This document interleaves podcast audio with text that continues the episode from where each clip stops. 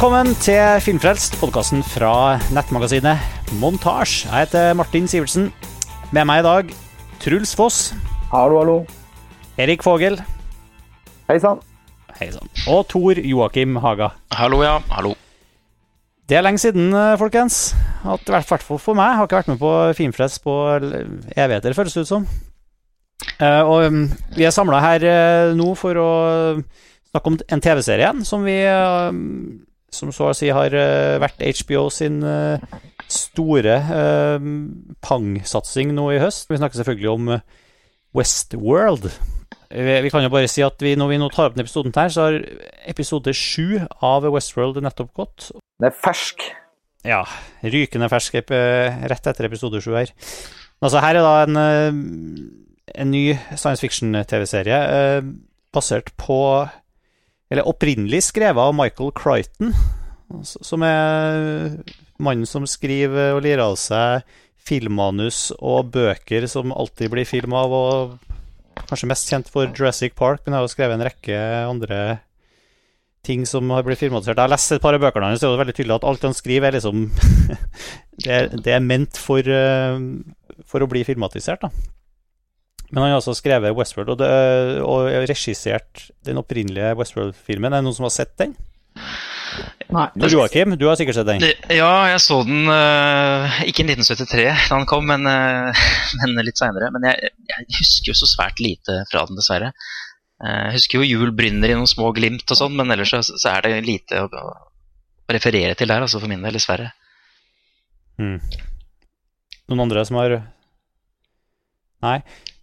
For det kom jo det, det, det har jo både vært en film og eh, forsøk på TV-serie tidligere som ikke ble den helt store suksessen. Men nå er det altså eh, en sånn, eh, så vidt jeg skjønner, en sånn idé om å revitalisere den TV-serien som har ligget på og, ligget sånn latent lenge, før det nå endelig ble liksom realisert, og da av Jonathan Nolan og kona hans. Som da, og Jonathan Nolan er selvfølgelig da broren til Christopher Nolan. Lisa Joy. Lisa Heter- Joy heter kona til Jonathan Nolan, riktig? De er da begge to eh, serieskaperne av eh, Westworld. Nettopp. Jo Jonathan Nolan har jo også gjort den der eh, TV-serien Person of Interest, som har vært en av hovedfigurene bak Ja. den. Den har vi snakka litt om på Firefest tidligere. Jeg begynte jo å se på den, og, og måtte bare gi opp til slutt, for det var så utrolig mye materiale å komme gjennom.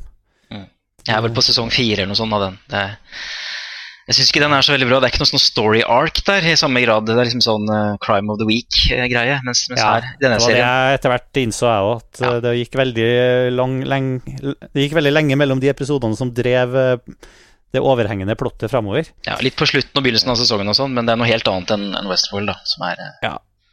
virkelig en story arc. Men uh, har noen egentlig eh, hatt noe sånn særlig forhold til Westworld her eh, før den nye TV-serien her kom? Bortsett fra, fra noen vage minner som Tor Joakim har om, om Bare som, som- Som popkulturell størrelse.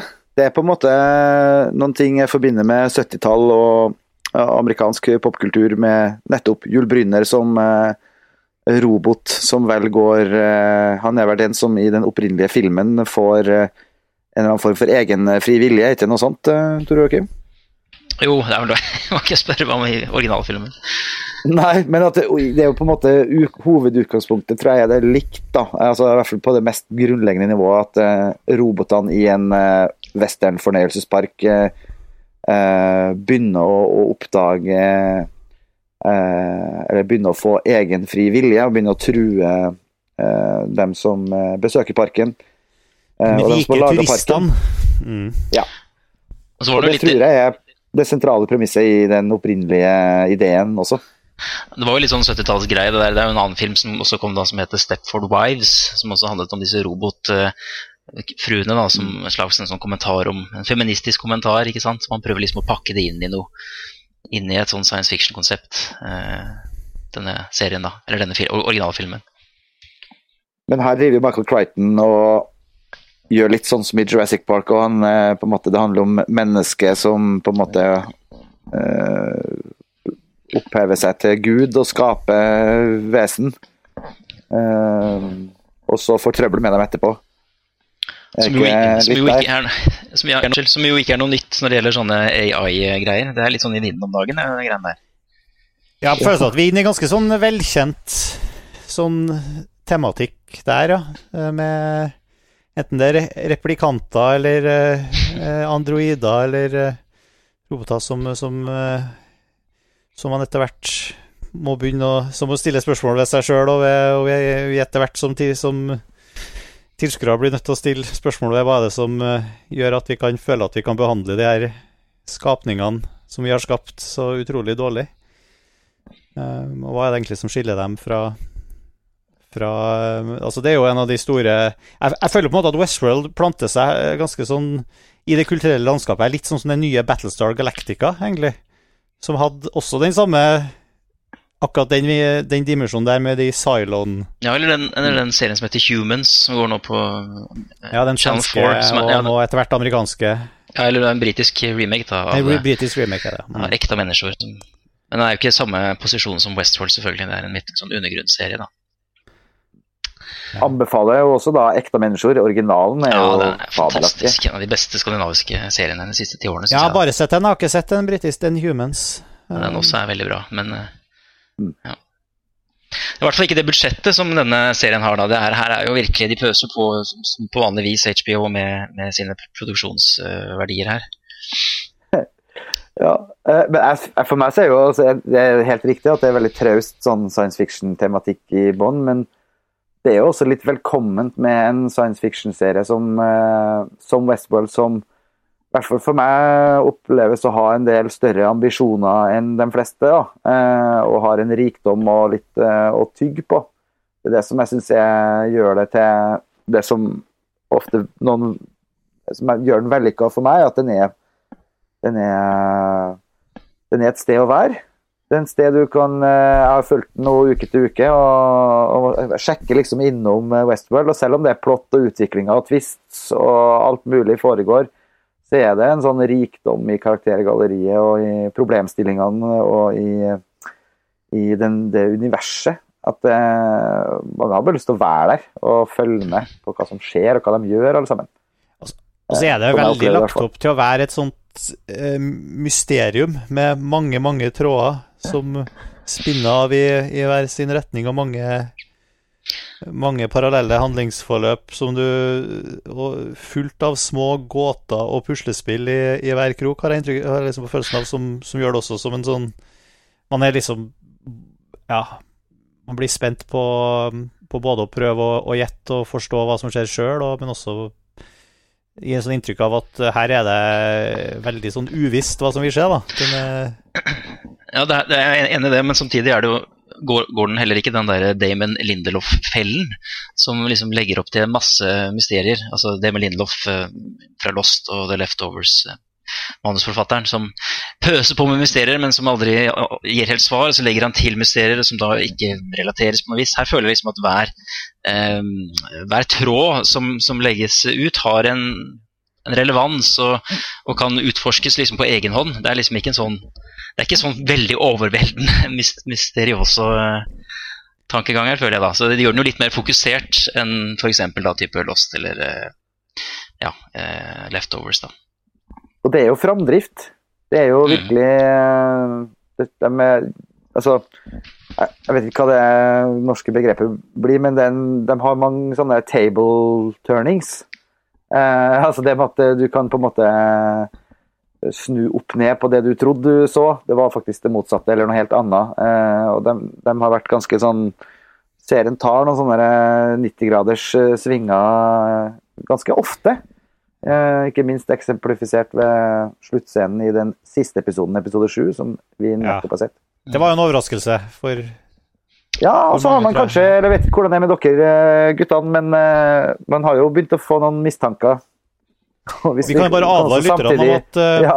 om at vi skal, kommer sikkert til å komme noen spoilers her. Så ikke hør på oss noe mer hvis dere ikke har sett det. Men jeg syns jo ikke at den, jeg synes ikke at den, den tvisten som kom, kom, nå i siste episode, var, den var ikke helt uventet. Altså, man har tenkt noe i samme gate. I hvert fall jeg gjorde det tidligere. tidligere.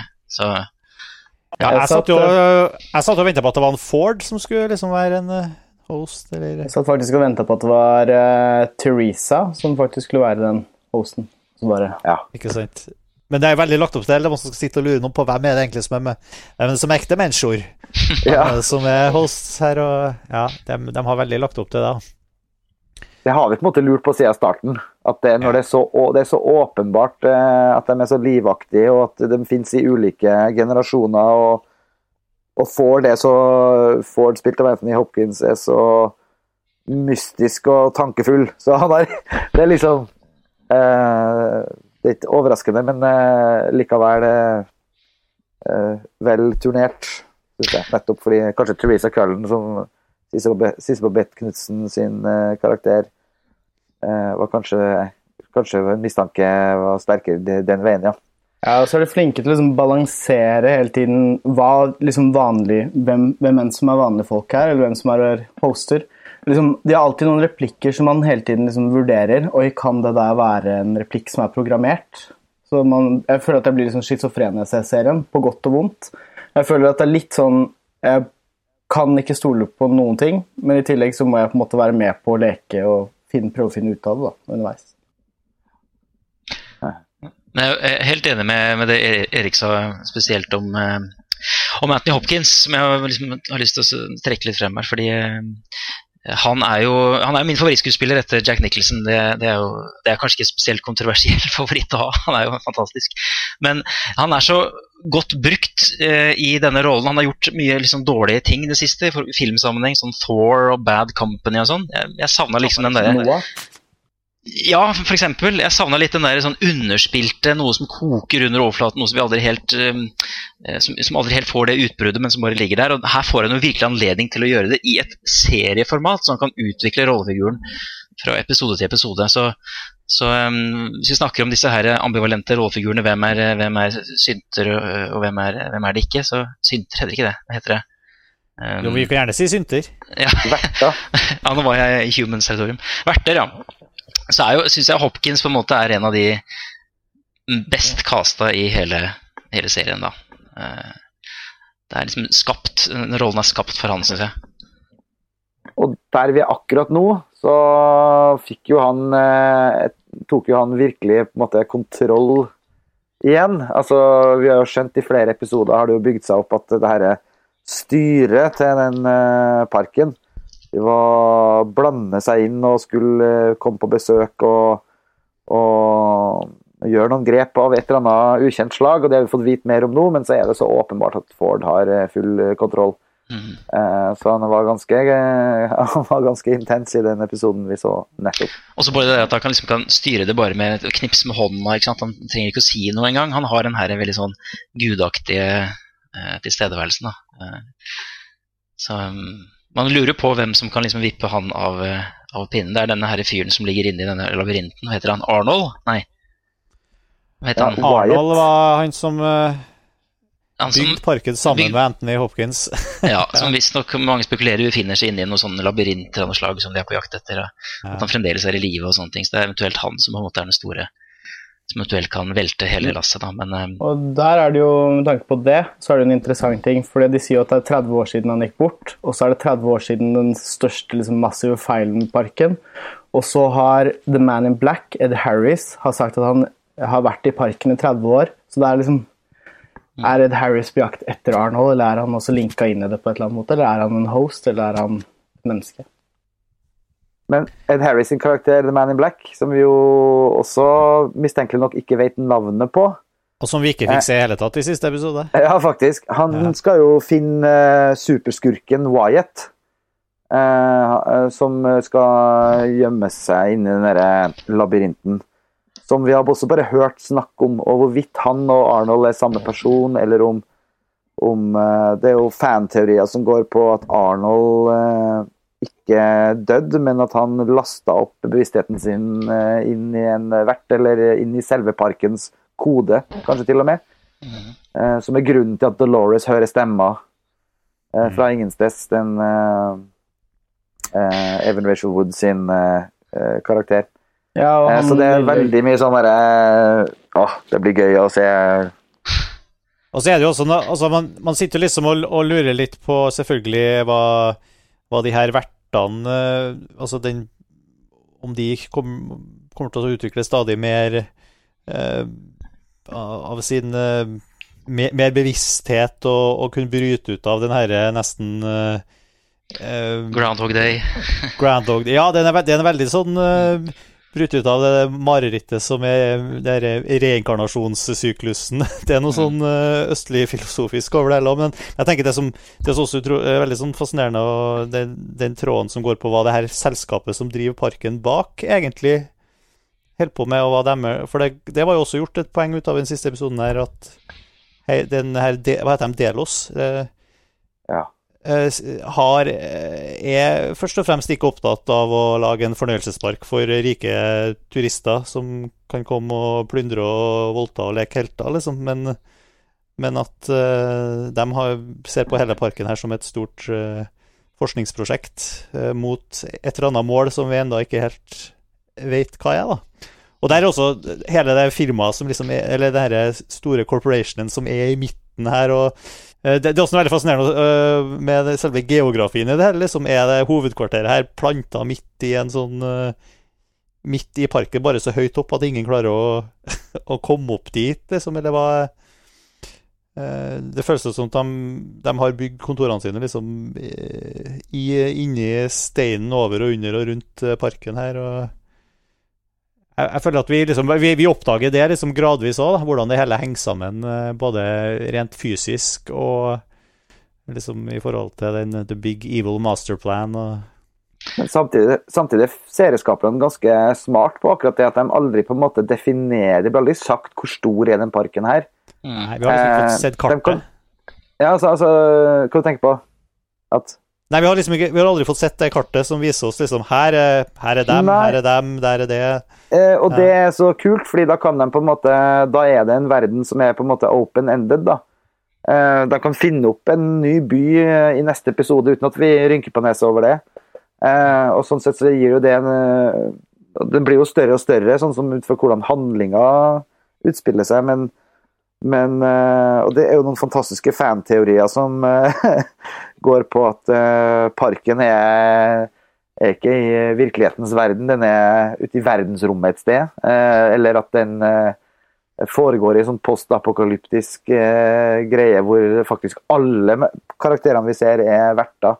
Ja, som har overlevd, et, overlevd menneskeheten, og at parken har tatt over hele verden og sånn det er jo men, uh, mye Men det er jo, hvis du kjenner til Michael Crichtons uh, liksom, originalideer her, så snakket han jo også om at det fantes en andre verden, altså Future World og ja. Middle Age, altså eh, middelalderverden. Og, så det er jo mange andre verdener som man Det er en av mange parker? Ja. Mm. Det er også en, en teori. I opprinnelige 70-tallsversjonen så var det vel det. Ja. Det var en romersk en også. Det er til og med noen som har snakket om at det eventuelt kanskje blir en crossover mellom denne og Game of Thrones. Jeg har ikke helt skjønt hvordan det skal, hvordan det skal foregå, men eh, Westeros? Westeros World? Ja, altså Westeros blir liksom da bare en, en verden, og reduserer hele det universet til en sånn, en sånn det, det, håper jeg ikke de gjør, altså. Men uh, det er ordentlig kjipt mot alle som har fulgt med på Game of Thrones så iherdig. Og så bare nei, det var altså bare en repetisjon av tidligere hendelser. Men du kan si litt av, det, det jeg liker med litt av altså, Vi snakker om disse trådene og sånn. altså En del av hovednerven er jo når kommer dette opprøret og det, Serien har jo fått litt kritikk av noen segmenter fordi at den er litt langsom. altså, åh, Nå er det det samme Groundhog Day-konseptet igjen og igjen og igjen. Skal den ikke snart skje noe litt action? Når kommer dette opprøret? Og så er det jo da disse potensielle eh, jeg vet ikke synter, eh, hostene som eh, som da skal lede an det. det. Vi har snakket om uh, Dolores, en annen er jo den Fandy Newton-rollefiguren. Uh, hun uh, Maeva, Maeva ja. ja. Hun har nå de siste episodene liksom, blitt tatt frem til å være en sånn mulig leder for, for det. Da. Så der ligger det jo veldig mye av, av, av spenningen i, i, denne serien, syns jeg. da. Det finnes fremdrift, mener jeg. ikke sant? Hvis man sier det er en treig, så finnes det likevel fremdrift i usikkerheten knyttet til Jeg syns det skjer ting hele tida. Jeg syns ikke den er treig i hele tatt. Nei, men De sier jo at er, altså, når episoden starter på nytt igjen, og så spiller dette pianoet opp igjen, og så våkner de i senga hele tida, og så går de gjennom alle disse fasene og sånn. er mange som synes Jo, det men er litt... out of repetition comes uh, Hva var det? Comes uh, inspir... Nei uh, Hva var det? Hva er det som kommer of repetition? Uh, Nei, jeg vet ikke, jeg har ikke av det. Det ble sagt i dagens episode. Ut av gjentakelse kommer improvisasjon, eller noe sånt. Ja, ja, ja. Ja. Ja. Mm. Nei, variasjon. Variasjon, ja. Mm. After Nettopp. repetition comes variation. Ja, det var det. Eller noe sånt. Ja, det Ja. var noe sånt. I hvert fall. Det er i hvert fall Ja. et, eh, et poeng her, da. Altså, dem, eh, for hver gang de blir født og blir, dør og blir gjenfødt igjen, så, så er det med en liten mutasjon eller et eller annet som sitter igjen fra tidligere liv, erfaringer som, som sitter igjen og, og gjør at, eh, at det er en utvikling, selv om det er en repetisjon. Men det er ganske subtil utvikling da, sammenligna med andre serier. Altså det, Ja. Game of Thrones kanskje, eller, eller noe sånt. Ja. Nei. Game of Thrones kan jo stå i stampe i ja, men jeg kan jo for så vidt det i en hel episode, da. Eh, Ja. Men, men, men de har jo her nå Det som jeg syns var kult med den siste episoden nå, er at ok, nå, nå vet vi at han eh, Ford har drevet og bygd eh, hosts Mm. på frilansbasis nede i kjelleren sin. Mm. Eh, og da kommer jo spørsmålet hvor mange har han egentlig bygd? Har han, eh, han har jo åpenbart noen skumle planer om eh, det han hele tiden refererer som, til som noen nye narratives, nye historier. Eh, skal, har han en hel hær, liksom? Har han eh, gjemt unna liksom, hundrevis, tusenvis? Eller er det? Det er jo sånn mysterium som ble, ble spilt opp nå, men som kjennes ganske sikkert at vi får vite svaret på før sesongen er over. Det må jo bli en ganske episk eh, finale her, tenker jeg. Når den har vært såpass Jeg, jeg har ikke noe imot at den er liksom litt langsom i utviklingen, men det bygger seg opp til et sånn voldsomt eh, klimaks de siste to episodene.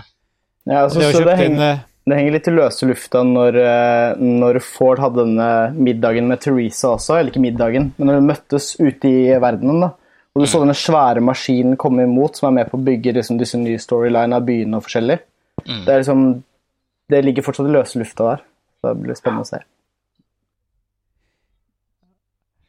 Ellers vil jeg si at det er noe veldig sånn flott med det, alle den herre Særlig altså det her, vi var inne på det, jeg nevnte det pianoet og det her. Det er en ganske sånn eh, Noe eh, som er veldig kult med den den uh, symbolbruken med det, liksom det det, det pianoet som, eh, som etter hvert bare begynner å spille seg sjøl, og de vertene som man skal skape og programmere først, men som også bare begynner å spille seg sjøl. Og, Mm.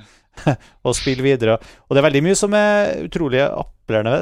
Samtidig så er det et eller annet som føles, syns jeg, da, ved hele konseptet eh, litt corny og litt sånn eh, Hva skal man si, anakronistisk eller noe sånt, med at det faktisk er eh, Altså en, den her type så, underholdningsparken med roboter liksom, det virker som, som er dritsvær, og som eh, liksom eh, Hvor de dør hele tida og dreper hverandre og blir drept av hvert av eh, besøkende og blir tatt ned for reparasjon, og det, det, liksom, det virker som fantastisk et fantastisk nå sk- nå vet jeg det er jo dårlig gjort å kritisere en sånn serie for å være urealistisk, men det virker veldig lite plausibelt sammenligna med f.eks.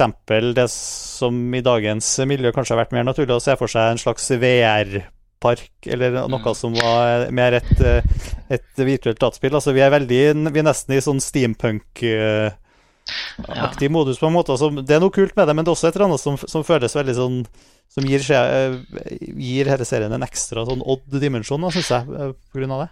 Det er jo en sånn, det er jo, serien er jo en slags sånn dekonstruksjon av westerntroper. Og jeg syns Ja. jo det er litt morsomt, fordi at eh, westernsjangeren har jo ikke hatt det så veldig bra i de siste årene. Eh, Unforgiven var kanskje den siste store, og så har det vært noen sånne kule da, sånn Slow West og Meeks Cut og sånne ting de siste årene, men ellers er jo ikke det en sjanger som på en måte selger så bra i dag.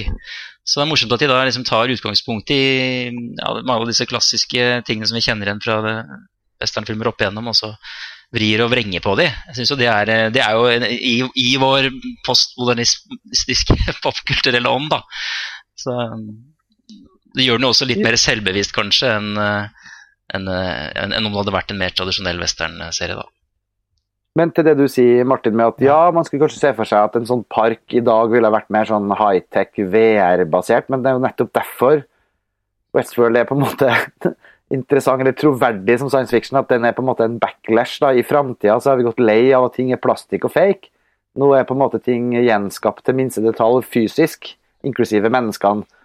Sant? Sånn det, det er ikke liksom Jo, men altså, i en, i en Matrix uh, eh, typ, eller nivå av realisme i virtual reality, så, så, er jo ikke det Ja ja, nei, det, det er jo bare Ja, sånn en idiotisk mot ting å disse. Nei, men det var jo tema i en Black Mirror-episode det i sesong tre, Ja, hvis du har sett den.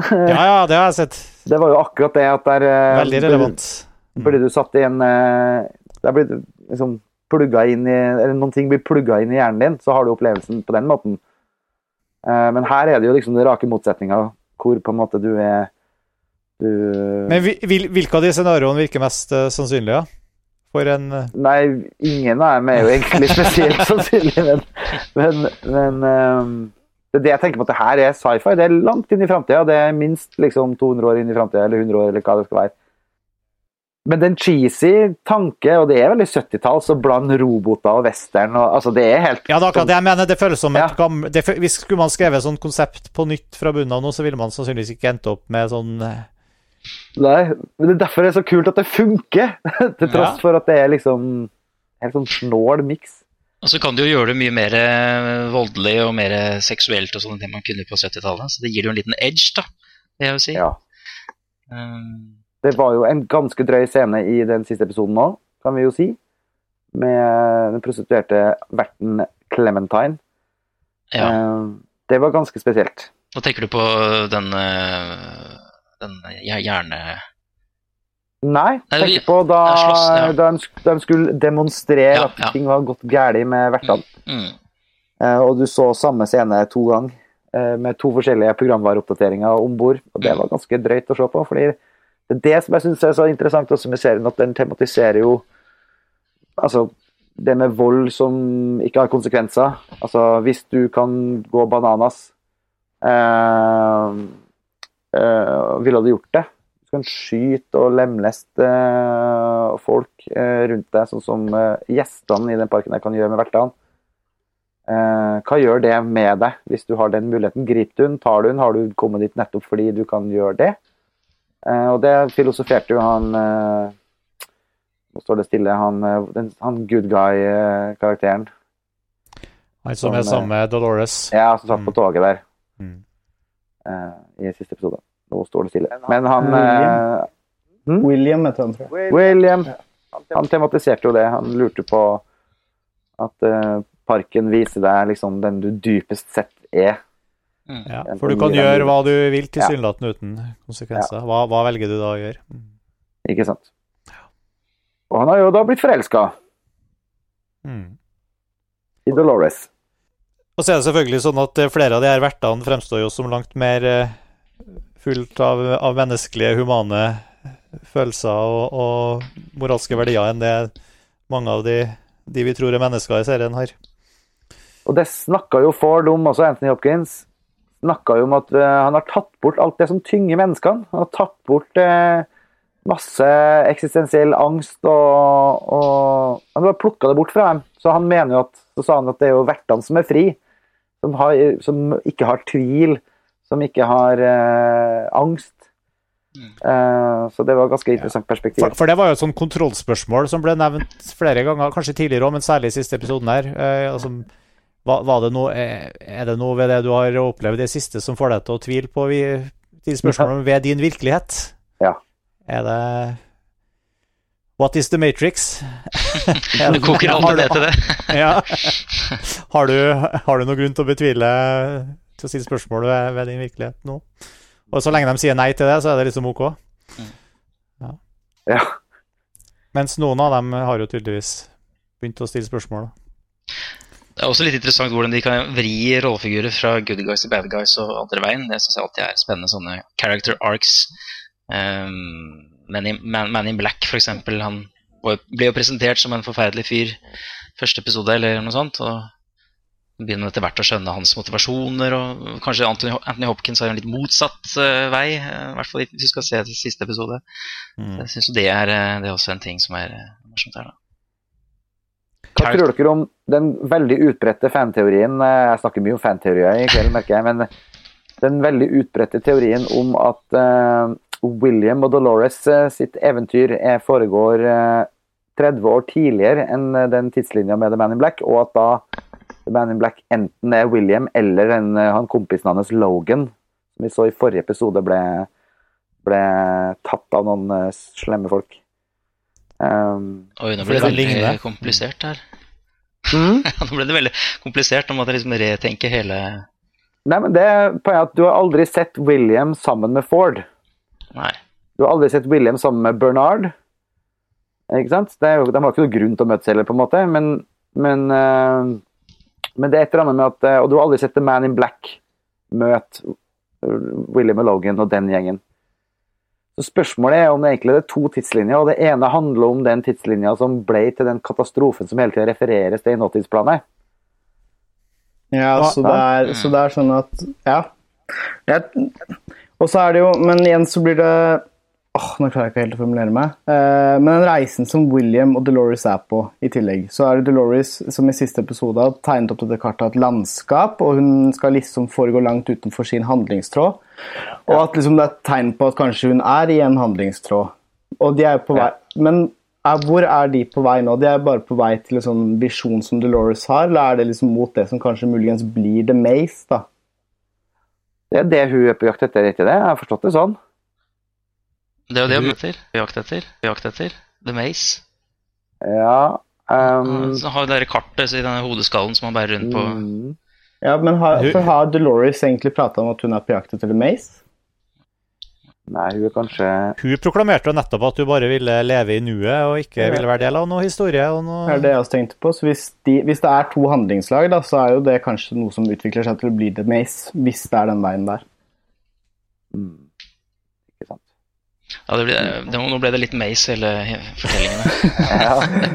Jeg må tenke litt på den. Og i midten av Mason så er det en mann som har dødd om og om igjen, eller hva var det? Det ble Ja, sagt et eller annet Det ble sagt mye om den her Mason for et par episoder siden som Ja. jeg ikke husker nå, men det var Det var mye der som fikk meg til å tenke på at det var liksom eh, At det var Ja, som foreslo å tenke at det er Arnold eller noen som sitter som er At det Mason er en person, eller noe sånt. Som sitter Vet ikke. Det gir, i hvert fall en, det gir i hvert fall en mye mer sånn eh, mytologisk eh, backdrop, da, hele fortellingen. At det ikke bare handler om eh, AI-aspektet, men at det er noe, nesten noe spirituelt, kanskje, i, i bunnen her. Det kan jo være også. Eller at det er noe sånn Holy Grail-aktig over det. At, Ja, eventuelt. Visvas som er planta inn der for å gi folk eh, håp, eller Ja, det er jo det Lindelof Da er jeg liksom egentlig for det igjen, da. Men eh, la oss håpe at det ikke blir helt uh, white lights, eller sånn som de går inn i der i Mason. Uh, ja, vi får se. Ja, for det tror jeg noe med det sykliske i det, det her, altså Ja, det Jeg syns jo nå, nå, nå er han eh, ar arkitekten i The Matrix mye mer pratsom enn eh, enn Anthony Hopkins-karakteren her, men det er et eller annet med den herre uh, verdenen som, som skapes om og om igjen, og hvor alle og går til grunne igjen, og, eh, og på en måte må rives opp og bygges ned igjen, og den Ja, det er jo Prometheus-myten, da. Mm. Som vi, vi har vært innom i forbindelse med Prometheus, blant annet. Ikke overraske det. Og igjen tilbake til Er ikke Damon eh, Lindelof der òg? Jo, det er det jo. Det har du rett. Rotøv, altså. Alt kommer tilbake til han. Ja, ja. Eller så håper jeg vi får sett litt mer av noe helt annet. Han og Se litt mer av Ingrid Bolsø Berdal. Da. Hun hadde jo har ikke vært så mye av henne, men eh, den lille figuren hun gjorde, var jo ja veldig tøff. veldig tøff. Ja. Det kjennes jo som om det er mer igjen. Hun hadde jo åpenbart noen ting å hevne som eh, hadde med han Wyatt å gjøre. Så jeg tenker jo at de tingene der må jo kunne eh, spekuleres i at sammenfaller. Mm. Ja. At uh, når The Man in Black finner han derre kisen man jakter på, uh, Så er det en link der til henne. så er det en link. mm. For dem er i hvert fall Uansett crazy teorier, så er i hvert fall dem i samme tidsplan, for de har snakka sammen. Det var noe av det kuleste jeg har sett på lenge. Og så er eh, Ed Harris og Ingrid Bolse Berdal stå og være tøff. ja, det var spesielt. Det var ganske knallhardt. Finnes det noe sånn kart over disse her linjene som dere snakker om, som man kan gå inn og se? Ja, jeg ble litt forvirra nå over forskjellige tidslinjer og Men... Ja, det er bare en teori. Det er jo det er bare i, det, i klippe, måten det er klippa på, så er det en mulighet for at det finnes flere timelines. Okay. Og at det blir en kjempetvist mot slutten av sesongen. Kanskje. Spekuleres det i. Det er vel ikke så mye mer komplisert enn at William og Dolores eksisterer 30 år tidligere? Ja, ja nettopp. Jo da, men det er alt, alle de de har møtt på veien, som jeg da prøver å gå gjennom fra, fra han liksom kommer inn i parken i starten der og kler på seg klærne og Men det, men det er de tingene som gjør at fansen som er veldig opptatt av å skrive lange bloggposts som er akkurat det her, jeg er jo da ikke blant dem, men jeg leser innimellom noen av de bloggene. Eh, de skriver jo at den episoden hvor eh, The Man in Black snitta opp han uh, skurkekisen og hang han opp og tømt blodet hans, mm. så var det like etter han hadde gjort det, var det liksom klipp til en annen scene hvor eh, William og Logan kommer inn i byen Pariah og møter han i lys levende stand. Samme kis som vi nettopp har sett bli drept av The Man in Black. Og det var liksom sånn der på at her har de eh, eh, hoppa i tid. Men samtidig så er det nok åpning for at ja, men det var jo ikke et kontinuitetsklipp. Det kan være at de har faktisk reparert han Ja, over natta og satt inn i en ny rolle. Fordi det her er Westworld, og der ser vi jo at de brukes i forskjellige roller, Mm. eh, karakterene. Eller det kan bare være eh, flere av samme type vert. Mm. Eller det kan være at det foregår på med 30 års mellomrom.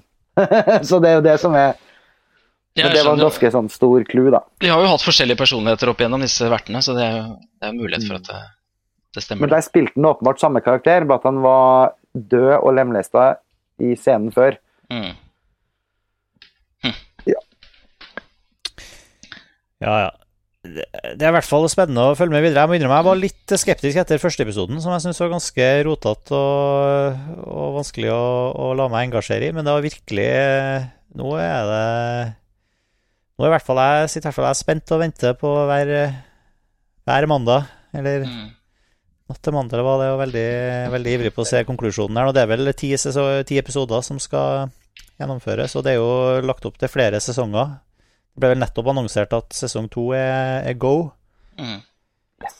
så Og så håper jeg at de da kan etter hvert dra til Future World og sånn, da, men jeg kan godt fullføre denne, denne først. Det er greit. Ja, det er da til Hva er Future World? Da er det romer... Uh... Future World er vel uh, Er mer sci-fi-greie, tror jeg. Mer sånn eh, flyvende biler og sånn, eh, så- hvis jeg husker riktig. Ja. Eh, Men så er det disse andre verdenene, da. Ja. Hehe. ja, nei, det er i hvert fall eh, veldig veldig ålreit at vi har fått en ny, ny serie å kose oss med av det kalibret. Du nevnte jo Det er jo mye god science fiction for tida. Altså, du var jo inne på det i stad, Erik. Eh, Tredje sesongen av eh, Black Mirror var jo veldig, veldig bra, faktisk. Og, Den skulle jo vært en egen podkast, nesten. Den er Ja, jo helt uh, crazy. De har jo virkelig. Det er tydelig at de har fått uh, svingt opp budsjetter og, og alt den uh, bare det er, ikke, det er en anto antologiserie, er det ikke det, med nye fortellinger hver uke? Det er ikke noe art Ja. der? Det er vel en rekke serie filmer, egentlig. Ja, okay. Det er som Twilight Zone, Ja, det er veldig Twilight Zone, bare bare med teknologi istedenfor uh, alt mulig annet overnaturlig. mm. Eller sånn. Og ellers så Ja, det er mye så mye bra Expanse, ser dere på? The Expanse. Det var jo jeg som anbefalte deg den eh, forrige gang vi gjorde TV-serieepisode. Ja, men da var det ikke mulig å se den. Nå har den jo kommet på Netflix. ja. Eh, Jeg har sett hele, og det er sånn bra og dårlig. ok, jeg har bare så Det er vidt sånn- begynt Altså I sci-fi-verden, altså kanalen Sci-Fi, så er den jo fantastisk. De leverer jo så mye rare ting. Så Ja. eh, Sharknado og sånn. Så det, det er jo, dette er jo noe helt annet. Veldig Veldig ambisiøst. Jeg binga hele greia, jeg. Mm. Ja. Det har jeg jo ambisjoner om å gjøre. Jeg digger jo Thomas Jane, da. Ja, han er kul. Se- Selv om han ikke har den kuleste rollen i den serien her, så bare digger jeg han skuespilleren. Ja, nei, det er jo det er masse Exorcist har du jo begynt med nå. Serie av det og eh, Ja. Ash versus Evil Dead, og det er mye litt sånn paranormale ting. Det er jo det jeg ser mest på. Ja, men, men hva er det du mener, Martin, som er at det er så mye kvalitets science fiction rundt omkring?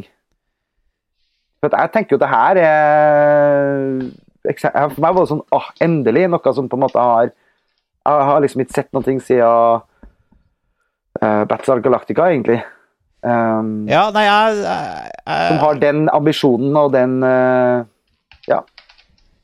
Jo, nei, jeg følte veldig at uh, det var særlig Black Mirror jeg tenkte på, som jeg Mm. nettopp satt og som jeg stod og sett nå de siste ukene samtidig som jeg satt og koste meg med Westworld, og Mm. det har liksom tatt opp nesten all uh, tilgjengelig TV-tid for meg, for jeg har ikke hatt så mye av det. Så jeg føler at for, i hvert fall for min del så har det gått mye i, i sci-fi-TV-serier, men uh, Ja. Men ja, det er vel kanskje ingen, det er vel ingen som eh, som nå Altså, jeg, vil gjerne, jeg vil gjerne vite om flere liksom, ordentlig gode sci-fi-serier. Altså, jeg, så, altså, jeg vet at den går fortsatt Falling Skies. Altså, Det så jeg på. Way, Wayward Pines, eh, den syns jeg er bra. da Den Ja. lagde jo en sesong omsider. Ja. Omsider klarte de å få på plass en sesong Mm. to. Eh, Den er ganske smart, Mm. hvis, du, hvis du tenker på smarte sci-fi-serier, først og fremst. da Ja, eller, ja, i hvert fall ting som har noe å Sånn som f.eks. Stranger Things. Den så vi sikkert alle og digga mm. I sommer. Mm, men den, den har liksom ikke så mye mer enn seg sjøl. Nei, den er ikke liksom veldig smart, det er vel ikke ordet man vil bruke. Nei.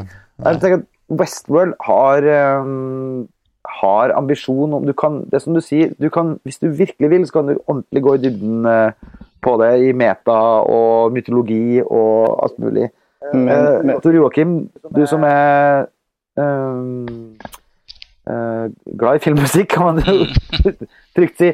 La du merke til hva som spilte da Mave slengte igjen pianolokket i siste episode? eh, Da hun kom inn i, eh, på saloonen der. Nei, det slo meg ikke. Hva var det? Det var etter at de nå i mange episoder har hatt sånne 90-talls eh, popsvisker spillende på det pianoet. Det har vært et par Radiohead-låter. Kult og konsept, det. Ja, men i dagens episode, siste episoden, så var det Westworld sitt eget tema som spilte. Originale fra filmen? Det var, det var vignettmusikken fra Å, ja, ja, ja. den serien du sitter og ser Ramin på. Javadis uh, tema, ja. Morsomt.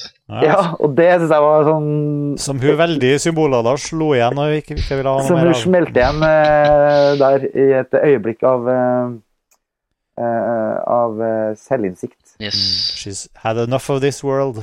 Og sånn- sånne smådrops Med er det masse av mm. Um, i denne serien. Og det tenker jeg bare sånn Yes! Og så noen, noen kvelder så er det- helt greit å bare være passiv, ikke dykke for mye inn i det. Andre kvelder så eh, kan man gå inn og, og virkelig analysere den serien her, altså. men når du nevnte Stranger Things, personlig synes jeg det var veldig mye mer fornøyelig å se på den serien. Det var mye mer engasjerende, sånn, bare fornøyelig å dykke inn i det universet. Jeg synes Westworld jeg tok sånn tre episoder før jeg ordentlig liksom kom inn i det. Jeg synes det er litt sånn stakkato med alle disse handlingstrådene som starter og stopper, og man er jo med på det. Så det er ikke noe Ja. flow i det på samme måte. Det synes jeg Det var det, var det jeg mente da jeg syntes det var litt vanskelig å komme inn i i starten. Jeg var mer fascinert av konseptet og verdenen enn jeg var faktisk den, det dramatiske eh, progresjonen i det. Ja, jeg er helt enig. Ja. Det er sånn konse-TV, litt. Mm. Men jeg føler det har eh, en måte noen eh, belønninger i seg òg. Eh, men altså, Stranger Things var jo veldig sånn Det var nesten motsatt. Den var sånn veldig umiddelbart kul å komme inn i, men den brukte litt mer tid på å forsvare seg sjøl. Altså, den ble også veldig eh, jeg, jeg likte den veldig godt, men den var veldig umiddelbar. Men så syns jeg den ble litt skeptisk, og så bygde det seg opp igjen på et eller annet vis, og så er slutten litt sånn so-so. Men det kommer en ny sesong av det jo snart, så vi ser åssen det går. Ja, ja, vi får se åssen det går. Ja. Det har vært utrolig kult å, å få lufta litt, uh, litt inntrykk med dere. Uh, skal vi runde av der? Det syns jeg vi skal. Og så skal vi samtidig markere at det her er Filmfrelst episode 250. Kjør lydeffekt. Um, Kjør lydeffekt. Yay! Og i den anledning har jeg skrevet en sang med 250 vers som jeg skal synge nå. Ja. Nei, men det er altså 250 episoder med Filmfrelst. Så gratulerer til Filmfrelst. Mm. ja, hurra for oss. Eh, og hurra for dere som har holdt med oss i 250 episoder. Jeg vet det er noen gærninger som har hørt alle, Det, inkludert eh, 14 timers eh. Ja. Ja, nei, så Og som alltid, vi er veldig glad for alle innspill og tilbakemeldinger, enten i kommentartrådene under artiklene våre eller på mail til filmfrelst at montasj.no. Så ja, la oss, eh, la oss gjøre det 250 til. ja. Ok, takk for laget, folkens. Yes. Takk for nå. Takk for nå. Ha det bra.